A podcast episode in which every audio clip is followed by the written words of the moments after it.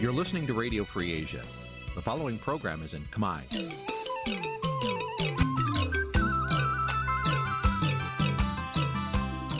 នេះជាកម្មវិធីផ្សាយ Vuthu Azizi Serai នេះជាកម្មវិធីផ្សាយរបស់ Vuthu Azizi Serai ជាភាសាខ្មែរ Vuthu Azizi Serai សូមស្វាគមន៍លោកអ្នកនាងទាំងអស់ពីរដ្ឋធានី Washington នៃសហរដ្ឋអាមេរិក។ ពីរដ្ឋធានីវ៉ាស៊ីនតោនខ្ញុំបាទសេកបណ្ឌិតសូមជម្រាបសួរអស់លោកអ្នកនាងកញ្ញាអ្នកស្ដាប់ទាំងអស់ជាទីមេត្រីយើខ្ញុំសូមជូនកម្មវិធីផ្សាយសម្រាប់ព្រឹកថ្ងៃប្រហោះ12កើតខែពិសាឆ្នាំខាលចត្វាស័កពុទ្ធសករាជ2565ត្រូវនឹងថ្ងៃទី12ខែឧសភា គ្រិស្តសករាជ2022បាទជាដំបូងនេះសូមអញ្ជើញអស់លោកអ្នកនាងស្ដាប់ព័ត៌មានប្រចាំថ្ងៃដែលមានមេតិការដូចតទៅ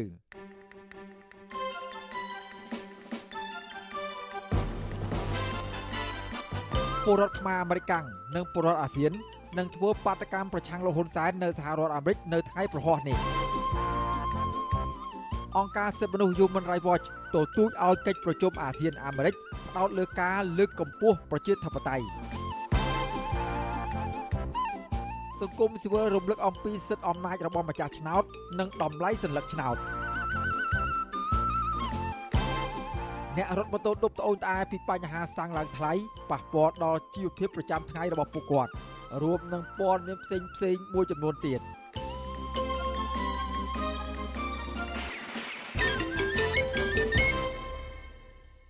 ជាបន្តទៅទៀតនេះខ្ញុំបាទសេកបណ្ឌិតសូមជូនព័ត៌មានពិស្ដា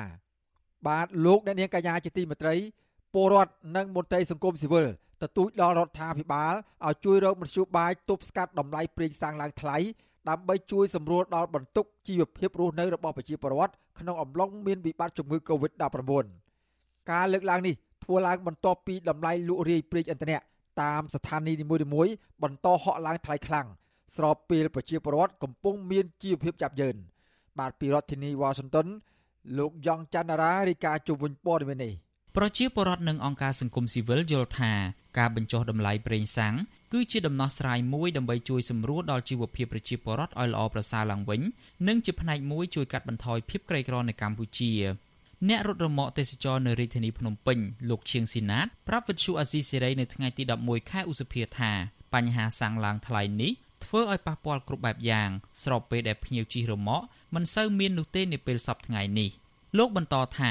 សាំងកាន់តែឡើងអាហារហូបចុកក៏កាន់តែឡើងថ្លៃទៀត ដែលធ្វើឲ្យប៉ះពាល់យ៉ាងខ្លាំងដល់ការចំណាយផ្សេងផ្សេងដូចជាថ្លៃផ្ទះថ្លៃទឹកថ្លៃភ្លើង និងបំណុលធនាគារជាដើម។មុខរដ្ឋាភិបាលគួរគិតគូរអំពីចំណុចនេះទៅដល់ជាបរិបទទូទៅហើយគាត់ប្រើប្រាស់យានជំនិះជាធំដោយពួកខ្ញុំដែលប្រកបអាជីវកម្មតែរមាក់ទេសចរដឹកភ្ញៀវរមួយថ្ងៃដើម្បីមួយថ្ងៃគឺឥឡូវនេះវាអត់បានមួយថ្ងៃទេនៃការផ្គត់ផ្គង់ប្រាក់ចំណូលមកវិញដើម្បីទូទាត់ជាមួយនឹងតម្លៃពេញសាំងហើយនឹងហូបចុកចំណាយផ្សេងៗគឺវាអត់គ្រប់គ្រាន់ទេ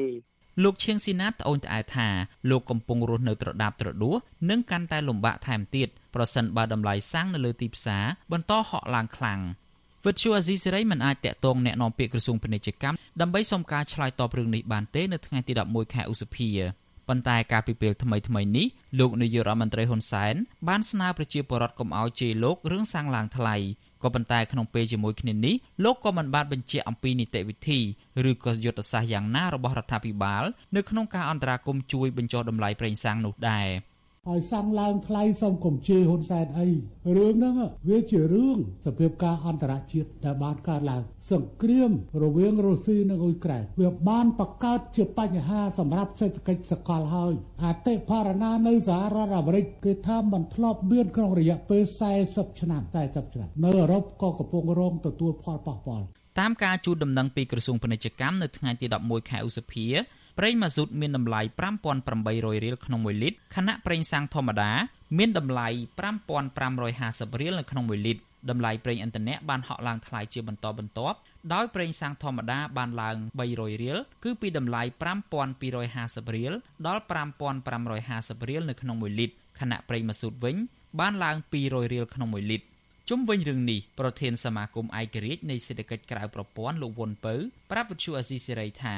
ការឡើងថ្លៃប្រេងឥន្ធនៈនេះបានប៉ះពាល់ដល់ជីវភាពប្រចាំថ្ងៃរបស់ប្រជាពលរដ្ឋដែលធ្វើឲ្យពួកគាត់បាត់បង់ប្រាក់ចំណូលគ្មានតុល្យភាពនឹងការចំណាយលោកបន្តថាការឡើងថ្លៃប្រេងប៉ះពាល់ខ្លាំងដល់ប្រជាពលរដ្ឋអ្នកប្រកបមុខរបរដឹកជញ្ជូនកសិករសិប្បកម្មដែលធ្វើឲ្យប្រជាពលរដ្ឋកាន់តែក្រីក្រថែមទៀតភាពក្រីក្ររបស់ប្រជាពលរដ្ឋនឹងមានការកើនឡើងបន្ថែមទៀតតទៅទៅនឹង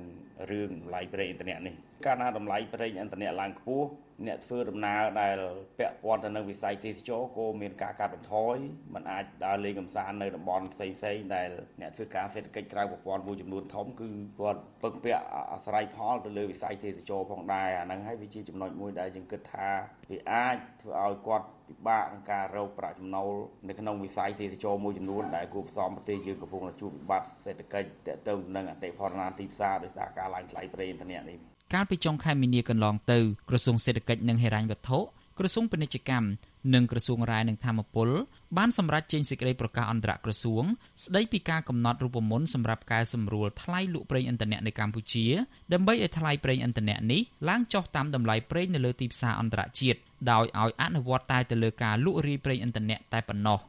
ខ្ញុំយ៉ងច័ន្ទដារាវិទ្យុអាស៊ីសេរីរាយការណ៍ពីរដ្ឋធានី Washington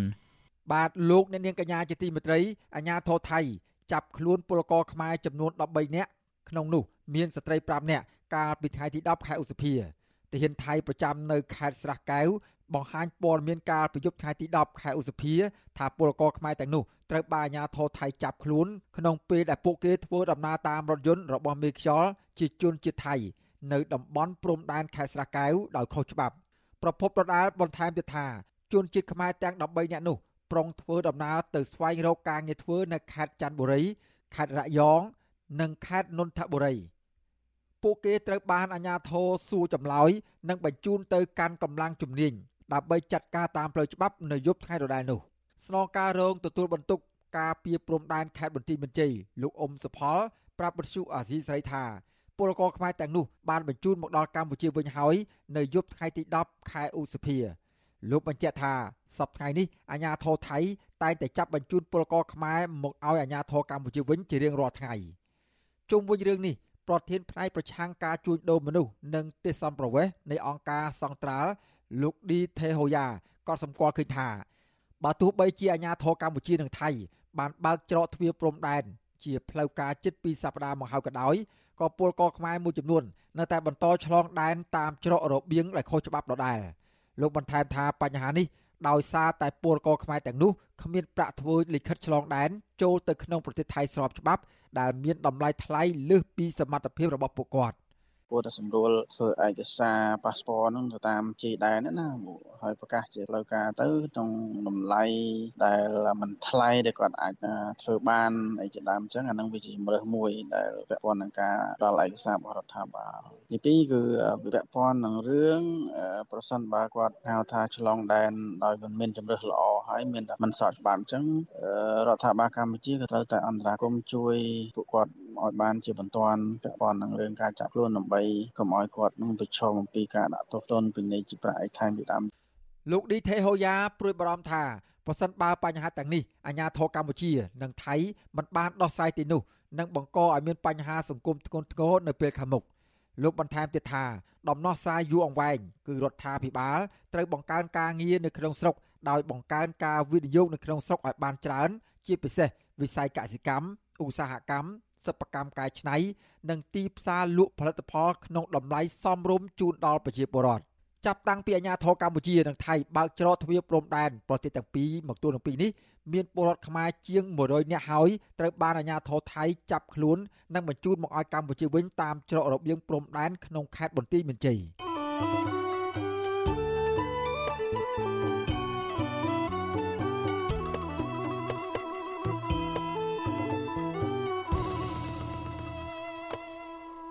បាទលោកអ្នកនាងកញ្ញាជាទីមេត្រីពាក់ព័ន្ធនឹងជនជាតិថៃមកធ្វើការនៅក្នុងប្រទេសកម្ពុជានេះវិញជនជាតិថៃចំនួន5នាក់បន្ថែមទៀតត្រូវបានអាជ្ញាធរថៃសហការជាមួយនឹងសមត្ថកិច្ចកម្ពុជា ជួយសង្គ្រោះពួកគេចេញពីកន្លែងធ្វើការងារដែលខុសច្បាប់នៅកម្ពុជាមន្ត្រីប៉ូលីសជាន់ខ្ពស់របស់ថៃបញ្ជាក់ថាជនជាតិថៃទាំងនោះបានចាញ់បោកមេខ្យល់ជនជាតិចិននាំមកធ្វើការនៅក្នុងប្រទេសកម្ពុជាដោយខុសច្បាប់ជំនួយការអគ្គស្នងការនគរបាលជាតិថៃលោកសូរ៉ាឆេតហផន ប្រាប់កាសែតអនឡាញថៃឈ្មោះ 7HD ថាលោកបានសហការជាមួយនឹងអាជ្ញាធរថៃនិងកម្ពុជា ដើម្បីជួយសង្គ្រោះជនជាតិថៃចំនួន5នាក់ដែលរងការឆោបបោក និងឃុំខ្លួនពួកគេឲ្យធ្វើការងារខុសច្បាប់នៅកម្ពុជា លោកឲ្យដឹងទៀតថាគិតត្រឹមថ្ងៃទី10ខែឧសភាមានជនជាតិថៃនៅកម្ពុជាចំនួន37ករណីត្រូវបានរងការបោកបញ្ឆោត និងចេញដីកាតាមចាប់ខ្លួនជាង100ករណីក្នុងនោះឃាត់ខ្លួនជនសង្ស័យបាន19នាក់ ជាជនជាតិចិនលោកបន្តថាអគ្គស្នងការរងនគរបាលជាតិថៃក៏បានជួបពិភាក្សាការងាររួមគ្នាជាមួយអគ្គស្នងការនគរបាលកម្ពុជាដើម្បីលុបបំបាត់ចលនាជួញដូរមនុស្សទន្ទឹមគ្នានេះលោកសូរ៉ាឆេតហផនក៏មានដីកាតាមចាប់ខ្លួនជនសង្ស័យពាក់ព័ន្ធនិងមេដឹកនាំដែលរត់ពន្ធមនុស្សជនជាតិថៃឆ្លងដែនដោយខុសច្បាប់ រួមទាំងអ្នកដែលប្រើប្រាស់បណ្ដាញសង្គមប្រកាសជ្រើសរើសបុគ្គលិកដោយគ្មានការអនុញ្ញាតពីនាយកដ្ឋានការងារនិងបោកបញ្ឆោតជនរងគ្រោះឲ្យទៅធ្វើការដោយខុសច្បាប់នៅកម្ពុជាវិទ្យុអស៊ីសេរីនៅពុំទាន់អាចតតងแนะនាំពាក្យអគ្គស្នងការនគរបាលជាតិលោកឆាយកឹមខឿនដើម្បីសាកសួរបន្ថែមអំពីបញ្ហានេះបានទេ កាលពីថ្ងៃទី11ខែឧសភាជុំវិញរឿងនេះប្រធានអង្គការសម្ព័ន្ធកេរនីយភាពសង្គមកម្ពុជាលោកសនជ័យ ចង់ឃើញរដ្ឋាភិបាលកម្ពុជា និងថៃដោះស្រាយបញ្ហាប្រឈមរបស់ប្រជាពលរដ្ឋតាមរយៈការទូតនិងត្រូវតែមានការផ្សព្វផ្សាយព័ត៌មានឲ្យបានទូលំទូលាយលោកបន្តទៀតថាអាជ្ញាធរគួរតែពង្រឹងច្បាប់គ្រប់គ្រងជនអន្តោប្រវេសន៍និងការពិនិត្យលើលិខិតឯកសារជូនជាតិបរទេសទាំងនោះឲ្យបានគ្រប់ជ្រុងជ្រោយជៀសវាងបង្កភាពស្មុគស្មាញនិងកើតមានបញ្ហាមិនប្រក្រតីផ្សេងផ្សេង។ ហើយបើសិនជាមានការដោះស្រាយបញ្ហាការទូតនេះធ្វើឲ្យការស្រាយបំភ្លឺចំពោះបញ្ហាជាក់លាក់ណាមួយហ្នឹងគឺអាចធ្វើឲ្យមុខមាត់នៃប្រទេសទាំងពីរហ្នឹងទទួលបានផលប្រយោជន៍នៃទំនាក់ទំនងការទូតនឹងជាមួយគ្នាដែរហើយក៏ជាផលប្រយោជន៍មួយដើម្បីផ្ដល់ជូនទៅដល់ ភាគីដែលមានបញ្ហាណាភាគីដែលមានបញ្ហាបើសិនជាពួកគេជនជាតិថៃហ្នឹងមករស់នៅកម្ពុជាដោយខុសច្បាប់មែនការចាប់បញ្ជូនទៅវិញគឺជារឿងមួយត្រឹមត្រូវតែបើសិនជាពួកគេមានឯកសារគ្រប់គ្រាន់និងខាងភាគីកម្ពុជាគួរតែមានដំណោះស្រាយផ្លូវកណ្ដាលមួយ ជាប្រយោជន៍ដើម្បីដោះស្រាយបញ្ហាពិតប្រាកដកន្លងទៅអាជ្ញាធរថៃអះអាងថាជនជាតិថៃ ដែលបានជួយសង្គ្រោះនោះពួកគេបានចាញ់បោកប្រព័ន្ធឃោសនាការងារតាមបណ្ដាញសង្គមរបស់ក្រុមហ៊ុនចិន ដោយអះអាងថាការងារទាំងនោះអាចទទួលបានប្រាក់ចំណូលខ្ពស់ក្រោយមកជនជាតិថៃទាំងនោះត្រូវបានជនជាតិចិនចាប់បង្ខាំងនៅតាមអាគារខ្ពស់ខ្ពស់ដូចជានៅតាមខេត្តប្រសេនុ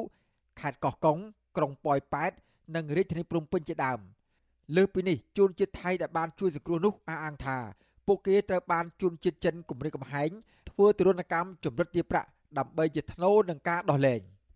ទោះយ៉ាងណាក្តីស្នងការខេត្តប្រសេនុលោកជួននរិនធ្លាប់អះអាងថាជនជាតិថៃទាំងនោះមិនត្រូវបានជនណាម្នាក់ចាប់បង្ខាំងធ្វើទរណកម្មពួកគេឡើយ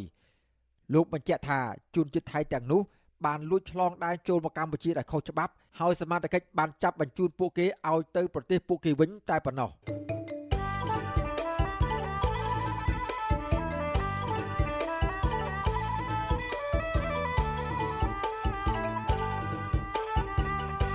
បាទលោកអ្នកនាងកញ្ញាជាទីមេត្រីលោកអ្នកនាងកំពុងតាមដានស្ដាប់ការផ្សាយរបស់វិទ្យុអាស៊ីសេរីពីរដ្ឋធានីវ៉ាស៊ីនតោនសហរដ្ឋអាមេរិកពាក់ព័ន្ធនឹងសំណុំរឿងមេបកប្រឆាំងលោកកំសខាវិញម្ដងមេធាវីការពីក្តីឲ្យលោកកំសខាអះអាងថា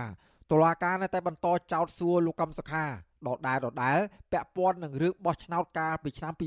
2013មេធាវីនិងមន្ត្រីសិទ្ធិមនុស្សយល់ថាវិធីរបស់តុលាការនេះធ្វើឲ្យសំណុំរឿងរបស់លោកកំសខា កាន់តែអូសបន្លាយពេលនិងប៉ះពាល់ដល់សិទ្ធិរបស់លោកថែមទៀតផង បាទពីរដ្ឋធានីវ៉ាស៊ីនតោនលោកយុនសមៀនរាយការណ៍ជុំវិញព័ត៌មាននេះសាលាដំបងរាជធានីភ្នំពេញនៅថ្ងៃទី11ខែឧសភាបានបន្តសវនាការសំណុំរឿងប្រធានគណៈបកសង្គ្រោះជាតិលោកកឹមសុខាឡើងវិញបន្ទាប់ពីផ្អាកកាលពីមួយសប្តាហ៍មុន សវនាការលើកទី39នេះតុលាការនៅតែបន្តចោទសួរលោកកឹមសុខាដោយលើកមុនមុនដែរពាក់ព័ន្ធនឹងការបោះឆ្នោតកាលពីឆ្នាំ2013សហមេធាវីមួយរូបរបស់លោកកឹមសុខាគឺអ្នកស្រីមេងសុភារីថ្លែងប្រាប់អ្នកសារព័ត៌មានក្រោយចេញពីតុលាការថាក្នុងបន្ទប់សវនាការតុលាការមិនបានលើកឡើងពីការកោះហៅតំណាងរដ្ឋបរទេស ដែលមេធាវីរដ្ឋាភិបាលចោទប្រកាន់ពាក់ព័ន្ធនឹងសំណុំរឿងលោកកឹមសុខានេះមកឆ្លើយបំភ្លឺនៅតុលាការនៅឡើយទេប៉ុន្តែអ្នកស្រីបញ្ជាក់ថាតំណាងអัยការនិងមេធាវីរដ្ឋាភិបាល បន្តសួរសំណួរជន់និងសំណួររបស់ចៅក្រមស៊ើបសួរពាក់ព័ន្ធទៅនឹងព្រឹត្តិការណ៍បោះឆ្នោតកាលពីឆ្នាំ2013 អ្នកស្រីយល់ថាតុលាការនិងមេធាវីដើមបណ្ដឹងមិនគួរសួរជជែកឬក៏កាយរឿងបញ្ហានៃការបោះឆ្នោតឆ្នាំ2013នេះមកចោទសួរលោកកឹមសុខាដដាលដដាលនោះទេព្រោះរឿងនេះគណៈបកកណ្ដាលអំណាចនិងគណៈបកប្រឆាំងបានចរចាផ្នែកនយោបាយដោះស្រាយរួចរាល់ហើយតាមរយៈវប្បធម៌សន្តានាកាលពីឆ្នាំ2014 ក្នុងកិច្ចព្រមព្រៀងថ្ងៃទី22ខែកក្កដាឆ្នាំ2014នោះគឺបានបញ្ចប់បញ្ហាដែលបានកើតឡើងគឺបញ្ហារឿងបោះឆ្នោតមិនមែនបញ្ចប់ដោយបញ្ហាដោយសារតែថាមូលហេតុមានការធ្វើបដិវត្តធម៌អ្វីនោះទេព្រោះវាអត់មានបញ្ហានឹងកើតឡើងទេអ្វីដែលជាការទៀមទាកន្លងមកនេះគឺទៀម ទាតាក់ទងទៅនឹងបញ្ហារឿងបោះឆ្នោតឆ្នេះហើយការចោទប្រកាន់ទៅលើឯកឧត្តមសំខាពីបទសន្តិភាពជាមួយនឹងបរទេសនោះយើងឃើញថាមានការប៉ះពាល់ទៅដល់ទំនាក់ទំនងអន្តរជាតិហើយដែលបញ្ហានេះគឺហាក់បីដូចជាការដើរមិនច្រាស់ទឹះរវាងរដ្ឋាភិបាលដែលខិតខំកសាងខិតខំរក្សាទំនាក់ទំនងអន្តរជាតិដើម្បីជាប្រយោជន៍ដល់ប្រជាពលរដ្ឋខ្មែរយើងក៏ដូចជាសង្គមជាតិយើងផងដែរ អ្នកស្រីមេងសុភារីព្រួយបារម្ភថាប្រសិនបើតុលាការនៅតែបន្តចោទប្រកាន់លោកកម្មសខាថាគប់ខិតជាមួយរដ្ឋបរទេសជាច្រើនបែបនេះនឹងធ្វើឲ្យរង្គោះរង្គើទំនាក់ទំនងរវាងកម្ពុជាជាមួយនឹងអន្តរជាតិដែលនាំឲ្យខាតបង់ផលប្រយោជន៍ជាតិនិងពលរដ្ឋធ្ងន់ធ្ងរអ្នកស្រីលើកឧទាហរណ៍ថាជាក់ស្ដែងដោយករណីសហភាពអឺរ៉ុបដកប្រព័ន្ធអនុគ្រោះពាណិជ្ជកម្ម EBA ចេញពីកម្ពុជាជាដើម កាលពីសប្តាហ៍មុនក្រុមសមាជិកសភាអឺរ៉ុបអនុម័តសេចក្តីសម្រេចរួមមួយដើម្បីជំរុញឲ្យសហភាពអឺរ៉ុបទាំងមូលដែលមានប្រទេស27ជាសមាជិកដាក់សម្ពាធកាន់តែខ្លាំងលើរដ្ឋាភិបាលលោកហ៊ុនសែនឲ្យស្ដារលទ្ធិប្រជាធិបតេយ្យនិងការគោរពសិទ្ធិមនុស្សឡើងវិញនៅកម្ពុជាសវនាការលោកកំសខាលើកនេះមានការចូលរួមឃ្លាំមើលពីតំណាងស្ថានទូតបរទេស និងតំណាងអង្គការសហប្រជាជាតិប្រចាំកម្ពុជារួមទាំងតំណាងអង្គការសង្គមស៊ីវិលក្នុងស្រុកផងដែរប៉ុន្តែมันមានចំនួនច្រើនដោយលើកមុនមុននោះទេព្រោះតឡាកាមិនអនុញ្ញាតចំណែកនៅឯក្រៅរបងតុលាការឯណោះវិញអ្នកគាំទ្រលោកកឹមសុខាប្រមាណ50នាក់បានមកឃ្លាំមើលតុលាការដោយស្ថិតក្រោមការរឹតបន្តឹងសន្តិសុខយ៉ាងតឹងរឹងពីកម្លាំងប្រដាប់អាវុធជាច្រើនអ្នកប៉ុន្តែពុំមានការប៉ះទង្គិចគ្នានោះទេ តុលាការនឹងបន្តសវនាការសំណុំរឿងលោកកម្មសខានៅថ្ងៃពុធទី18ខែឧសភាខាងមុខទៀតនាយកទទួលបន្ទុកកិច្ចការទូតនៃអង្គការលីកាដូលោកអំសំអាត មានប្រសាសន៍ថាការដែលតុលាការព្យាយាមសួរជជែករឿងបញ្ហានៃការបោះឆ្នោតឆ្នាំ2013ដែលបានដោះស្រាយរួចរាល់តាមរយៈការចរចាផ្នែកនយោបាយហើយកាលពីឆ្នាំ2014នោះគឺកាន់តែធ្វើឲ្យសំណុំរឿងនេះអូសបន្លាយពេលនិងប៉ះពាល់ដល់សិទ្ធិធ្វើនយោបាយរបស់លោកកម្មសខា លោកនៅតែជំរុញឲ្យអ្នកនយោបាយកម្ពុជាកម្ពុជាវិលទៅរកការចរចាផ្នែកនយោបាយឡើងវិញដោយដំកល់ផលប្រយោជន៍ជាតិនិងពលរដ្ឋជាធំ បើការបោះឆ្នោតក្រុមប្រឹក្សាគុំសង្កាត់នេះគឺវាខកខានទៅហើយដែលយើងមើលមិនឃើញថាអាយដាមកម្មសខាអាចនឹងវិលទៅធ្វើនយោបាយក្នុងការប្រកួតប្រជែងទេហើយបើបញ្ហានេះអូសបន្លាយទៅទៀតឆ្នាំ2023ក៏អាចនឹងរំលងផុតទៅទៀតអញ្ចឹងយើងដឹងហើយថាអាយដាមកម្មសខាគឺជាអ្នកនយោបាយអញ្ចឹងអ្វីដែលលោកចង់នោះគឺការចូលរួមធ្វើនយោបាយក្នុងការប្រកួតប្រជែងការបោះឆ្នោតដោយសេរីត្រឹមត្រូវនិងយុត្តិធម៌អញ្ចឹងអ្វីដែលសំខាន់ខ្ញុំថាករណីនេះបើសិនជាអ្នកនយោបាយខ្មែរទាំងអស់លោកវិលទៅរកវប្បធម៌នៃការសន្ទនាហើយមានការចរចាផ្នែកនយោបាយណាមួយកើតឡើងដោយបទពិសោធន៍កន្លងកន្លងមកកាលពីថ្ងៃអាទិត្យកន្លងទៅលោកកម្មសខាបានជួបជជែកជាមួយលោកហ៊ុនសែនរយៈពេល4ម៉ោងពេលលោកទៅចូលរួមបន់សពបងប្រុសរបស់លោកហ៊ុនសែនលោកកឹមសុខាមិនបានបង្ហាញអំពីកិច្ចសន្ទនានោះលម្អិតទេដោយគ្រាន់តែបង្ហើបថាអ្នកទាំងពីរបានជជែកអំពីបញ្ហាប្រទេសជាតិនិងពលរដ្ឋខ្មែរ ភ្លាមភ្លាមឯកអគ្គរដ្ឋទូតអាមេរិកនិងឯកអគ្គរដ្ឋទូតសហភាពអឺរ៉ុបនិងឯកអគ្គរដ្ឋទូតអាល្លឺម៉ង់ប្រចាំកម្ពុជា បានទៅជួបលោកកឹមសុខាដែរដោយបានលើកឡើងអំពីបញ្ហាលំហប្រជាធិបតេយ្យនិងការទាមទាររោគយុត្តិធម៌និងសេរីភាពសម្រាប់រូបលោកប៉ុន្តែប្រធានគណៈបកសង្គ្រោះជាតិរូបនេះបញ្ជាក់ថាជំនួបរបស់លោកជាមួយលោកហ៊ុនសែននិងជាមួយតំណាងរដ្ឋបរទេសជាមិត្តមិនទាន់បានបង្ហាញនៅលទ្ធផលនៃដំណោះស្រាយជាដុំកំភួននោះទេ ទោះបីជាយ៉ាងណាកាលពីសប្តាហ៍មុននេះសមាជិកសភាអឺរ៉ុបភាគច្រើនលើសលប់ក៏បានទាមទារឲ្យរដ្ឋាភិបាលលោកហ៊ុនសែនលុបចោលការចោទប្រកាន់ដែលគ្មានមូលដ្ឋានច្បាប់ និងប្រគល់សេរីភាពជូនលោកកឹមសុខាលោកសំរងស៊ីអ្នកស្រីមូសុខួរមន្ត្រីព្រមទាំងសកម្មជនគណៈបកសង្គ្រោះជាតិផ្សេងផ្សេងទៀតហើយត្រូវអនុញ្ញាតឲ្យគណៈបកសង្គ្រោះជាតិចូលរួមការបោះឆ្នោតខាងមុខនេះសភាអឺរ៉ុបថែមទាំងជំរុញឲ្យក្រុមប្រឹក្សាអឺរ៉ុបត្រូវប្រើវិធានការទាំងអស់ ដែលមានដូចជាការជួទាំងស្រុងនៅប្រព័ន្ធអនុគ្រោះពាណិជ្ជកម្ម EBA ប្រសិនបើរកឃើញថាការបោះឆ្នោតខាងមុខនេះមានភាពអយុត្តិធម៌ខ្ញុំយុនសាមៀនវិទ្យុអាស៊ីសេរីប្រធានាធិបតី Washington បាទលោកអ្នកនាងកញ្ញាជាទីមេត្រីអង្គការឃ្លាំមើលសិទ្ធិមនុស្សអន្តរជាតិ Human Rights Watch ជំរុញឲ្យលោក Joe Biden ប្រធានាធិបតីសហរដ្ឋអាមេរិកដែលជាប្រធានកិច្ចប្រជុំកំពូលពិសេសអាស៊ានអាមេរិក លើកឡើងពីបញ្ហាពាក់ព័ន្ធនឹងស្ថានភាពកាន់តែអាក្រក់ក្នុងផ្នែកសិទ្ធិមនុស្សនិងប្រជាធិបតេយ្យនៅក្នុងតំបន់នៅក្នុងកិច្ចប្រជុំថ្ងៃទី12ខែឧសភានេះអង្គការឃ្លាំមើលសិទ្ធិមនុស្សអន្តរជាតិលើកឡើងនៅក្នុងលិខិតដែលផ្ញើទៅលោកโจ Biden កាលពីថ្ងៃទី6ខែឧសភាថាកិច្ចប្រជុំកំពូលពិសេសនេះគួរតែជជែកអំពីសិទ្ធិមនុស្សលទ្ធិប្រជាធិបតេយ្យនិងនីតិរដ្ឋទាំងនៅក្នុងតំបន់អាស៊ាន និងនៅសហរដ្ឋអាមេរិក ព្រមទាំងការទទួលស្គាល់ថាសមាគមអាស៊ាន បានបរាជ័យក្នុងការធ្វើឲ្យមានការរីកចម្រើន ការដោះស្រាយវិបត្តិសិទ្ធិមនុស្សនិងមនុស្សធម៌នៅប្រទេសមីយ៉ាន់ម៉ាលិខិតចេញដោយនាយកស្ដីទីប្រចាំតំបន់អាស៊ីរបស់អង្គការឃ្លាំមើលសិទ្ធិមនុស្សអន្តរជាតិអ្នកនាង Ellen Pearson បានលើកឡើងបញ្ហាជាក់ស្ដែងទាំងឡាយដែលកំពុងកើនឡើងតាមបណ្ដាប្រទេសក្នុងតំបន់អាស៊ាន ក្នុងនោះ មានទាំងកម្ពុជាផងដែរលិខិតដដែលលើកឡើងទៀតថា នៅកម្ពុជាអាញាធរលហ៊ុនសែនដែលបានប្រើមធ្យោបាយគម្រាមកំហែងអំពើហិង្សានិងពុករលួយដើម្បីធានាឲ្យលោកហ៊ុនសែនបន្តឈ្នះឆ្នោតចាប់តាំងពីការបោះឆ្នោតនៅក្នុងឆ្នាំ1993មកបានរំលេចគណៈបកប្រឆាំងធំជាងគេ សង្គមស៊ីវិលនិងសារព័ត៌មានឯករាជ្យមកទល់នឹងពេលនេះមានអ្នកទោសមនសិការជា50នាក់កំពុងជាប់ឃុំដោយសារបទចោទដែលត្រូវបានប្រឌិតឡើង និងសកម្មជនគណៈបកនយោបាយ និងសកម្មជនសង្គមផ្សេងទៀតជាង100នាក់ត្រូវរំលោភបំពាននិងចោទប្រកាន់តាមផ្លូវតុលាការលិខិតដដាលជំរុញឲ្យរដ្ឋាភិបាលលោកโจ Biden ដាក់សម្ពាធឲ្យបណ្ដាប្រទេសអាស៊ានបោះបង់ចោលកិច្ចព្រមព្រៀង5ចំណុចក្នុងការដោះស្រាយចំនួននៅមីយ៉ាន់ម៉ាឬភូមាដែលអង្គការនេះចាត់ទុកថា បានបរាជ័យរួចទៅហើយព្រមទាំងជំរុញលើកទឹកចិត្តឲ្យសមាជិកអាស៊ាន ដែលមានគំនិតប្រហាក់ប្រហែលគ្នាក្នុងបញ្ហានៅភូមាមានដូចជាប្រទេសម៉ាឡេស៊ីឥណ្ឌូនេស៊ីនិងសិង្ហបុរីឲ្យចូលរួមសម្របសម្រួលជាមួយនឹងសហគមន៍អន្តរជាតិក្នុងការបង្ខំឲ្យមានដឹកនាំរដ្ឋប្រហារយោធាភូមាកែតម្រង់តាមរយៈការដាក់ទណ្ឌកម្មលើវិស័យចំណូលរូបិយប័ណ្ណអន្តរជាតិនិងការទិញសព្វាវុធជាមួយគ្នានេះដែរសហរដ្ឋអាមេរិកនិងបណ្ដាប្រទេសអាស៊ានទាំងនេះគួរបញ្ជាក់ឲ្យបានច្បាស់ពីពេលវេលានិងទណ្ឌកម្ម ដើម្បីឲ្យមេដឹកនាំរដ្ឋប្រហារយោធាភូមិបញ្ចប់ការរំលោភបំពានទាំងឡាយក្នុងនោះរួមមានទាំងទណ្ឌកម្មបន្ថែមលើចំណូលពីប្រេងនិងអូស្មန်និងការល្មើសបំរាមលក់សពាវុធចេញដោយក្រមប្រឹក្សាសន្តិសុខ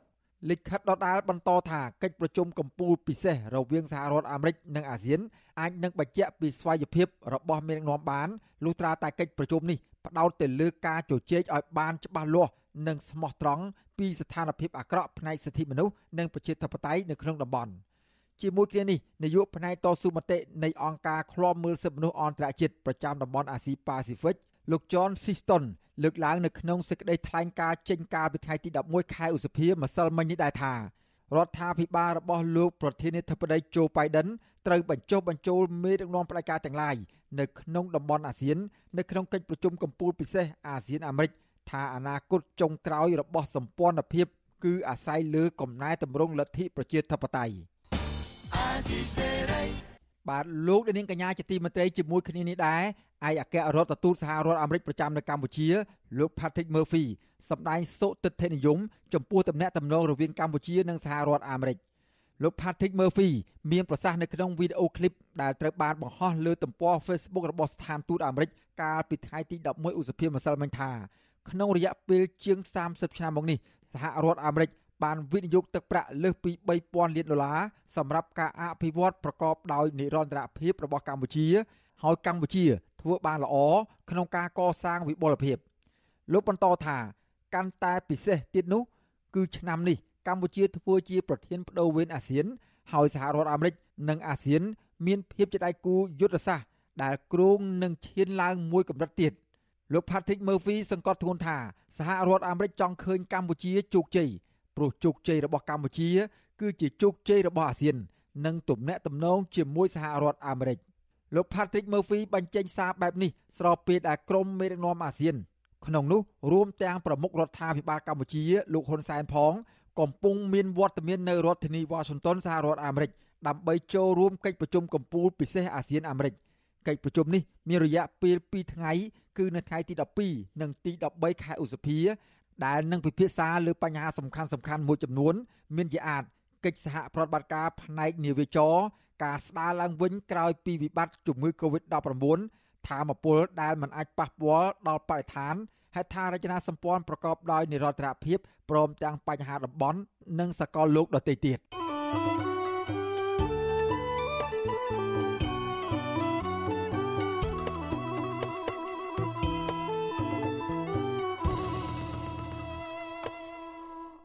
បាទលោកអ្នកនាងកញ្ញាជាទីមេត្រីពាក់ព័ន្ធនឹងមេដឹកនាំសំខាន់សំខាន់របស់អាស៊ានដែលមកចូលរួមកិច្ចប្រជុំអាស៊ានអាមេរិកនៅរដ្ឋធានីវ៉ាស៊ីនតោនសហរដ្ឋអាមេរិកឯនេះវិញនៅព្រឹកថ្ងៃទី12ខែឧសភានេះកិច្ចប្រជុំកំពូលពិសេសអាស៊ានអាមេរិកនឹងចាប់ផ្ដើមបើកកិច្ចប្រជុំជាផ្លូវការហើយដោយមានមេដឹកនាំអាស៊ានចំនួន10ប្រទេសចូលរួមនៅក្រសួងការបរទេសសហរដ្ឋអាមេរិកក្នុងរដ្ឋធានីវ៉ាស៊ីនតោន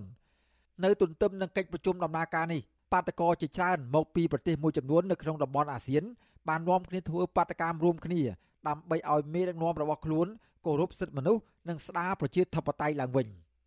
បាទពីរដ្ឋធានីវ៉ាស៊ីនតោនលោកទីនសាការីយ៉ារាយការណ៍ជុំវិញព័ត៌មាននេះកិច្ចប្រជុំកំពូលពិសេសអាស៊ានអាមេរិកចាប់ផ្ដើមនៅព្រឹកថ្ងៃទី12ឧសភាដែលជាថ្ងៃទី1ក្រុមបាតកោក៏ចាប់ផ្ដើមធ្វើបាតកម្មប្រឆាំងនឹងវត្តមានលោកហ៊ុនសែនដែរ ប្រធានកិច្ចការស្ត្រីគណៈបកសង្គ្រោះជាតិនៅឆ្លៃថិតកំហ៊ុនមានប្រសាសន៍ថាបរដ្ឋខ្មែរអាមេរិកកាំងនឹងជួបជុំគ្នាប្រមាណជា300នាក់និងមានបរដ្ឋឡាវថៃនិងភូមាមួយចំនួនទៀតចូលរួមដែរនៅឆ្លៃអះអាងថាក្រុមបាតកោនឹងជួបជុំគ្នាចាប់ពីម៉ោង10ព្រឹកដើម្បីធ្វើបាតកម្មទាមទារឲ្យមេដឹកនាំក្នុងអាស៊ានដែលដឹកនាំប្រទេសបែបផ្ដាច់ការដូចជាលោកហ៊ុនសែនជាដើមឲ្យងាកមកគោរពសិទ្ធិមនុស្សនិងប្រជាធិបតេយ្យឡើងវិញបាតកម្មជាដំបូងគឺយើងចាប់ផ្ដើមពីម៉ោង10នៅ National Monument ហើយយើងធ្វើពីម៉ោង10ដល់ម៉ោង11កន្លះបន្ទាប់ពីម៉ោង11កន្លះយើងនឹងធ្វើក្បួនដង្ហែអឺដើរមកក្រសួងកិច្ចការបរទេស State Department គឺដើម្បីយើងធ្វើពីម៉ោង12រហូតដល់ម៉ោង2ចា៎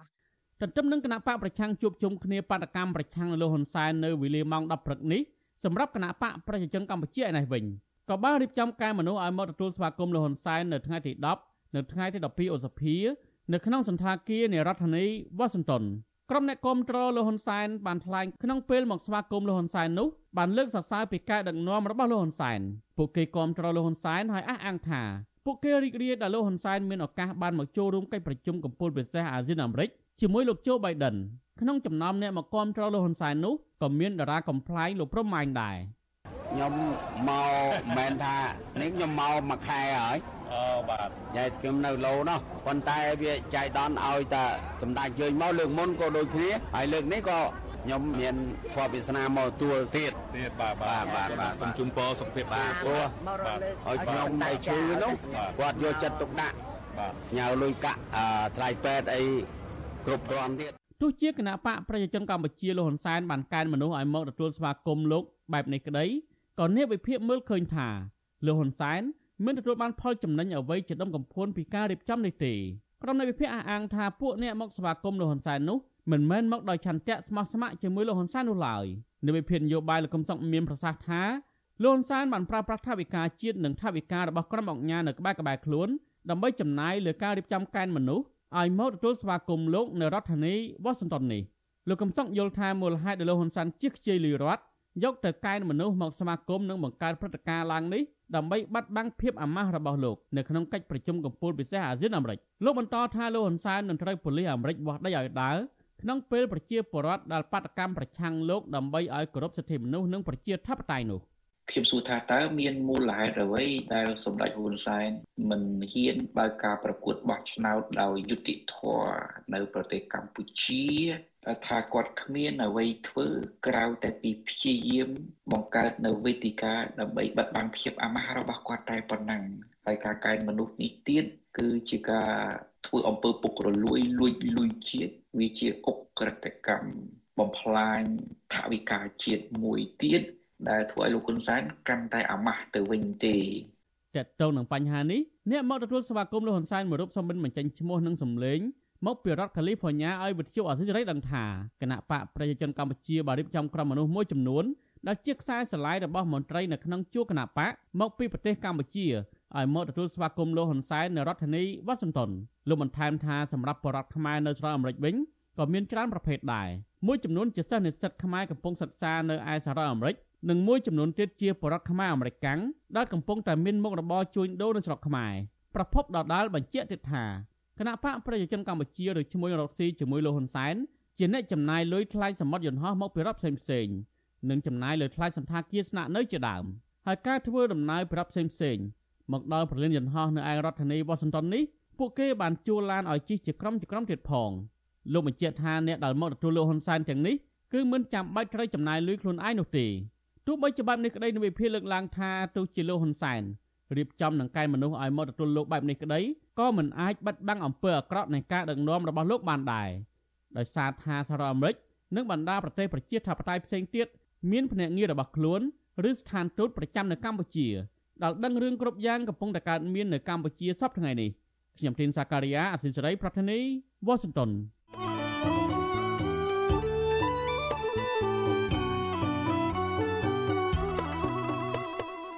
បាទ លោកអ្នកនាងកំពុងតាមដានស្ដាប់ការផ្សាយរបស់វិទ្យុអសីសេរីពីរដ្ឋធានីវ៉ាស៊ីនតោនសហរដ្ឋអាមេរិកក្រៅពីលោកអ្នកនាងស្ដាប់ការផ្សាយរបស់យើងខ្ញុំតាមរយៈបណ្ដាញសង្គម Facebook និង YouTube នោះលោកអ្នកនាងក៏អាចស្ដាប់ការផ្សាយរបស់យើងខ្ញុំតាមវិទ្យុរលក ធារកាសខ្លីឬ Shortwave តាមកម្រិតនិងកម្ពស់ដូចតទៅនេះពេលព្រឹកចាប់ពីម៉ោង5កន្លះដល់ម៉ោង6កន្លះតាមរយៈរលក ធាតុអាកាសខ្លី12140 kHz ស្មើនឹងកម្ពស់ 25m និង13715 kHz ស្មើនឹងកម្ពស់ 22m នៅពេលយប់ចាប់ពីម៉ោង7កន្លះដល់ម៉ោង8កន្លះតាមរយៈរលក ធាតុអាកាសខ្លី9960 kHz ស្មើនឹងកម្ពស់ 30m 12140 kHz ស្មើនឹងកម្ពស់ 25m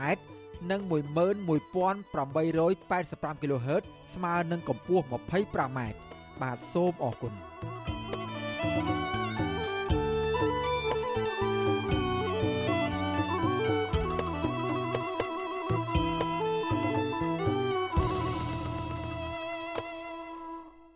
បាទលោកអ្នកនាងកញ្ញាជាទីមេត្រីកិច្ចប្រជុំរោគដំណោះស្រាយវិវាទការងាររបស់ក្រុមហ៊ុន Casino NagaWorld ដែលត្រូវបានរៀបចំឡើងដោយក្រសួងការងារកាលពីរសៀលថ្ងៃទី11ខែឧសភានោះ បានបញ្ចប់ទៅដោយមិនទទួលបានលទ្ធផលជាផ្លែផ្កាអ្វីនោះទេអនុប្រធានសហជីពត្រួតត្រងសិទ្ធិការងារបុគ្គលិកកម្មករខ្មែរនៃក្រុមហ៊ុន Nagavel កញ្ញាឈឹមសុខុនប្រាប់បទសុអសីសេរីឲ្យដឹងថាភាគីក្រុមហ៊ុននៅតែបដិសេធមិនព្រមទទួលយកបុគ្គលិកឲ្យចូលធ្វើការងារវិញនោះទេក្រោមហេតុផលថាក្រុមហ៊ុនមានបុគ្គលិកច្រើនលើសតម្រូវការទៅហើយកញ្ញាបន្តថានៅក្នុងកិច្ចប្រជុំនោះ តំណាងក្រសួងការងារនៅតែមានជំហរលំអៀងទៅខាងក្រុមហ៊ុនដោយបានប្រាប់សហជីពវិញថាក្រុមហ៊ុនមានសិទ្ធិបញ្ឈប់បុគ្គលិក ខាងក្រសួងការងារតាំងពីដើមដល់ចប់គាត់ប្រាប់ថាខ្លួនគាត់នឹងជាអ្នកសម្របសម្រួលតែជាក់ស្ដែងមើលទៅដូចមិនមែនក្នុងទួនាទីសម្របសម្រួលទេព្រោះគាត់គាត់មានបានជួយនិយាយជួយលើកពីហេតុផលច្បាប់អីគាត់មានលើកទឹកចិត្តក្រុមហ៊ុនវិញគាត់មាននៅខាងភាគីក្រុមហ៊ុនហើយប្រាប់ថាពួកយើងបើតកែគេមិនចង់ជួលអីហ្នឹងយើងនៅទៅអីហើយគ្មានតកែលើលោកនេះมันអាចប្រឈប់បុគ្គលិកបានអញ្ចឹងវាអត់មានដំណោះស្រាយទេយើងមើលឃើញថាអញ្ចឹង កញ្ញាឈឹមសុខុនឲ្យដឹងថាតួលេខបុគ្គលិកដែលត្រូវបានបញ្ឈប់ពីការងារនិងទាមទារឲ្យចូលធ្វើការវិញនោះមានចំនួន200នាក់ពីខាងសហជីពខណៈតួលេខរបស់ក្រុមហ៊ុនវិញមានចំនួន190នាក់កញ្ញាបញ្ជាក់ថាតំណាងក្រសួងការងារនឹងរៀបចំកិច្ចប្រជុំជាថ្មីម្ដងទៀតនៅថ្ងៃទី18ខែឧសភាសប្តាហ៍ក្រោយនេះវិទ្យុអាស៊ីសេរីនៅពុំទាន់អាចតតមន្ត្រីក្រសួងការងារលោកទេសរកັດផល ដែលទទួលបន្ទុកដឹកនាំកិច្ចប្រជុំរោគដំណោះស្រាយវិវាទការងារនៅក្រុមហ៊ុន Nagavel នេះបាននៅឡើយទេ កាលពីថ្ងៃទី11ខែឧសភាស្របពេលភាគីពាក់ព័ន្ធកំពុងជួបប្រជុំរោគដំណោះស្រាយនៅក្រសួងការងារនោះអាជ្ញាធររាជធានីភ្នំពេញបានបន្តរារាំងរុញច្រាននិងប្រហិង្សាទៅលើក្រុមកោតក្រ Nagavel មិនឲ្យឈរតវ៉ានិងលើកបដានៅក្បែរអគារក្រុមហ៊ុនឡើយការបង្ក្រាបរបស់អាជ្ញាធរនេះបានបណ្ដាលឲ្យកោតក្រមួយចំនួនរងរបួស ដោយសពមួយដងដែរអាជ្ញាធរបានបង្ខំឲ្យកោតក្រឲ្យឡើងឡានក្រុងដឹកយកទៅចាក់ចោលនៅកន្លែងស្ងាត់ស្ងាត់ក្នុងខណ្ឌព្រែកភ្នៅ រហូតដល់ម៉ោងជាង4រសៀលទើបដឹកពួកគាត់មកចំណតឡានក្រុងក្បែរទីលានប្រជាធិបតេយ្យនៅខណ្ឌរសីកែវវិញក្រុមកោតក្រថ្កោលទោសនិងទាមទារអាជ្ញាធរបញ្ឈប់ទង្វើរំលោភបំពានបែបនេះតទៅទៀតព្រោះនេះជាវិវាទការងាររវាងបុគ្គលិកជាមួយនឹងក្រុមហ៊ុនមិនមែនវិវាទជាមួយនឹងអាជ្ញាធរឡើយ ជំនួសឲ្យការធ្វើទុកបុកម្នេញឥតស្រាកសាននេះក្រុមកោតក្រ Nagawal ក៏ទទូចដល់អាជ្ញាធរឲ្យជួយរកដំណោះស្រាយវិវាទការងារដ៏រ៉ាំរ៉ៃមួយនេះវិញដោយត្រូវប្រកាន់ជំហរកណ្ដាលនិងអនុលោមតាមច្បាប់ស្តីពីការងារ